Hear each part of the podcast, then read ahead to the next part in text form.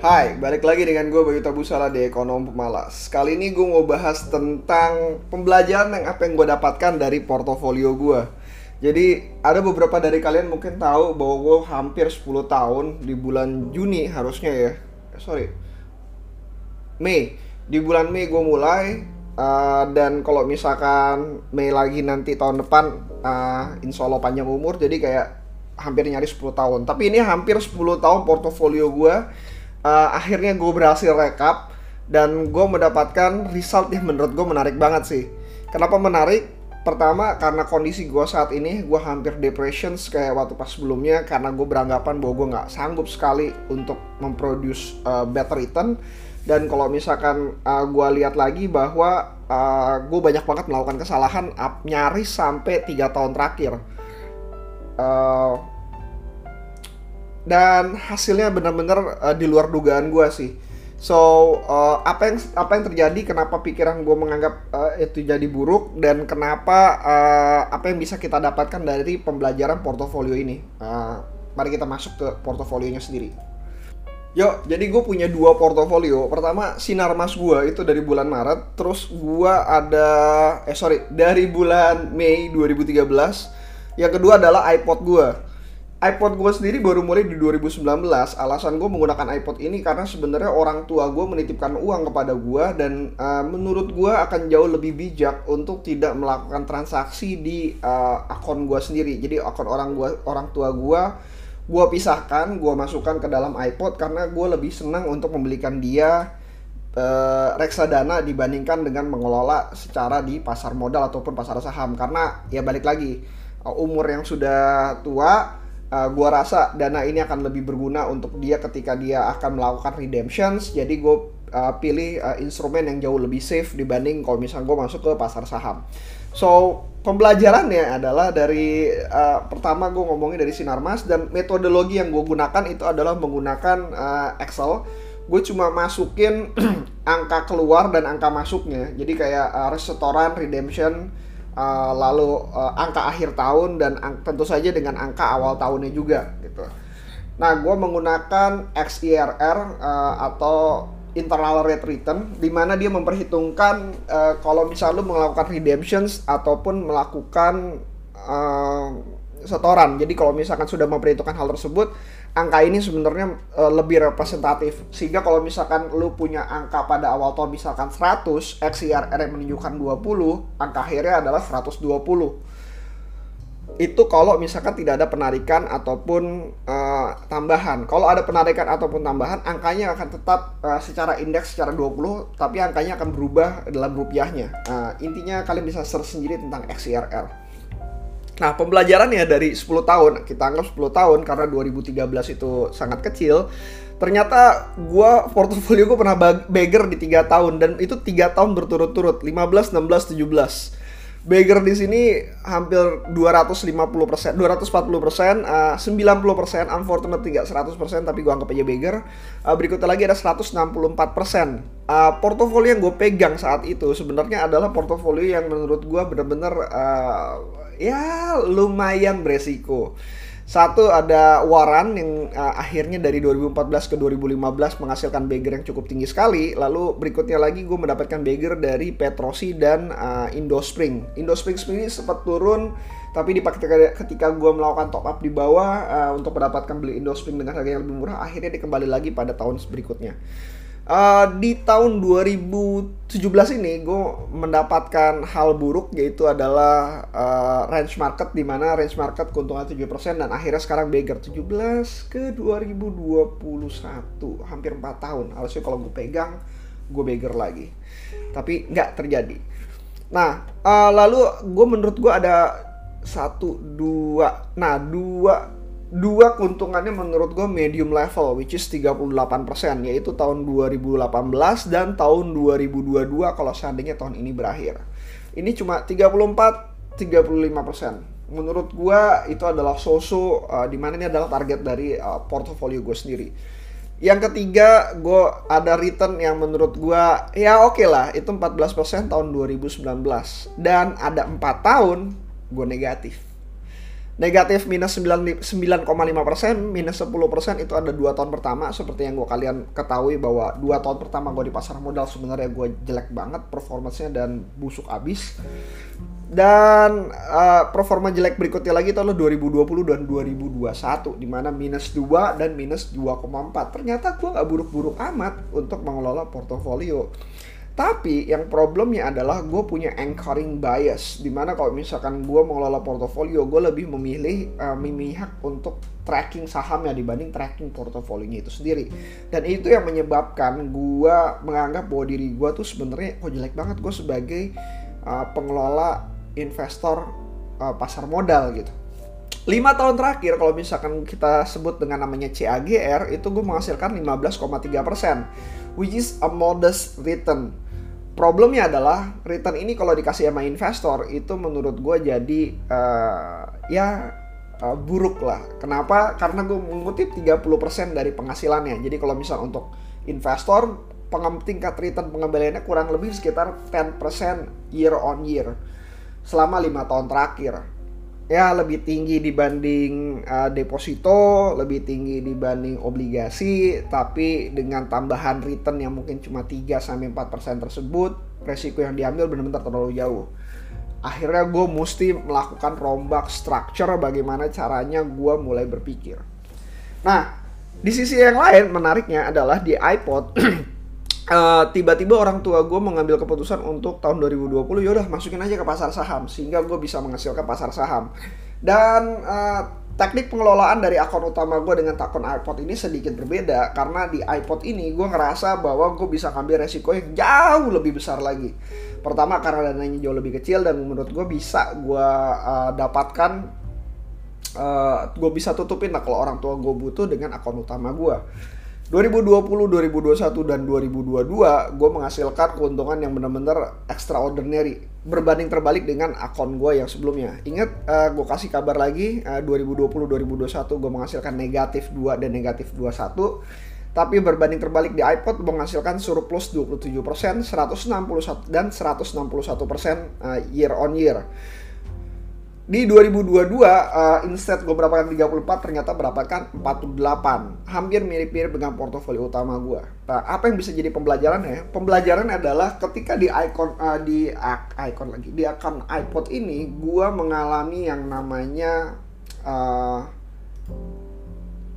ultra convictions lah. Jadi gue nggak melakukan diversifikasi diversifikasi gue lakukan masih di uh, akun utama gue which is gue pegang dua atau tiga saham. Di akun di akun iPod gue gue pegang cuma satu ataupun dua saham. Jadi gue cuma ngomong bahwa ada satu saham yang uh, safe uh, safe bet. Yang kedua adalah satu riskier bet. Sehingga gue bisa menghasilkan keuntungan yang benar-benar extraordinary. Dan mungkin ini akan gue pindah juga ke akun gue di uh, main akun gue unfortunately-nya adalah ya jelek lah. Uh, bukan jelek dalam artian portofolio ini benar-benar jauh lebih kecil dibanding main account gue tapi ini adalah sebuah pembelajaran yang sebenarnya bisa kita dapatkan bahwa lu nggak perlu cari un unnecessary bet atau diversification. Yang kalian butuh lakukan adalah temukan safe bet. Safe bet sebiji itu benar-benar bisa merubah hidup kalian. Gue ngerasa ini dari portofolio gue yang sebelumnya kita buang dengan warannya tersebut yang menghasilkan keuntungan 250%, tapi Petrosi, Indospring itu merupakan savior bet uh, dan menurut gue keuntungannya nggak nggak jelek-jelek amat. Ya 90% nah 164% is enough lah buat portofolio. Dan itu uh, ya jauh lebih baik dibandingkan gue mendapatkan keuntungan minus satu ataupun minus dua. Uh, berikutnya lagi adalah pembelajarannya adalah jangan ngeliatin portofolio kalian tuh sebagai asis. Yang problemnya adalah ada beberapa dari kita, gua lebih tepat ya, itu gue melihat pertumbuhan dari sisi rupiah portofolio tersebut. Kenapa? Karena gue ngerasa gue butuh uang itu jauh lebih uh, lebih lebih gede. Tapi lima tahun di awal lima tahun di awal itu bener-bener gue sebenarnya bisa dikatakan gue nggak punya pekerjaan. Gue bener-bener 100% datang dari yang namanya pasar saham. Sehingga kalau misalnya kalian bisa uh, sorry seandainya kalian bisa lihat data transaksinya gue banyak banget melakukan withdrawal pada tahun-tahun tersebut. Ya cukup cukup lumayan gitu cukup lumayan. Uh, withdrawal ini terjadi karena gue butuh biaya hidup dan gue pasti akan ada keperluan satu dan lain halnya. Uh, penghasilan gue dari sisi lain, misalkan gue uh, punya wedding organizer ataupun gue punya bisnis bersama temen gue, benar-benar kayak kayak uh, penghasilan itu tersebut uh, kurang menutupi dengan uh, pengeluaran gue saat itu. And then uh, timbul lagi 2018 sampai tahun 2020 di mana uh, withdrawalnya nggak banyak, nggak sebanyak lima tahun di awal, tapi performancenya jelek. So apparently kalau misalkan kalian mau compound, kalian punya portofolio, pastikan ketika kalian compound portofolio kalian itu tidak melakukan withdrawal yang unnecessary withdrawal. Cari pekerjaan sebelum kalian hidup dari pasar saham jauh lebih baik ketika melakukan withdrawal dari pasar saham. Karena lima tahun di awal gue punya uang kecil banget, withdrawalnya ya nyaris sama kayak gaji gua tahun sekarang gitu.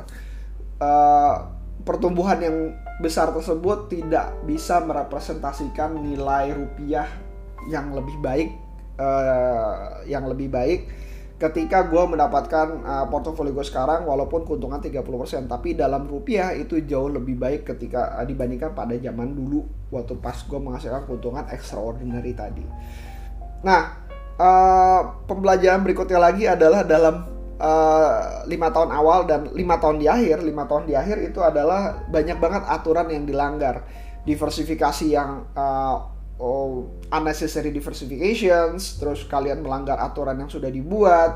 Uh, lalu yang ini menurut gua adalah yang paling penting.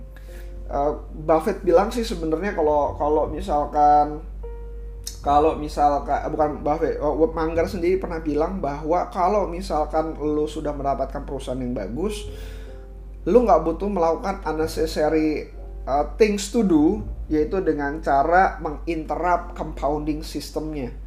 Tapi kalau misalkan kalian nggak interrupt compounding system ketika perusahaan tersebut sudah berubah ceritanya, maka hasilnya adalah seperti ini dua tahun di mana gue merasakan uh, kerugi, bukan kerugian ya opportunity loss yang luar biasa adalah ketika gue megang Wika Gedung di tahun 2020 di mana storynya sudah change dan gue sebenarnya bisa pegang cash pada waktu itu untuk mendapatkan saham-saham murah tapi tidak gue lakukan.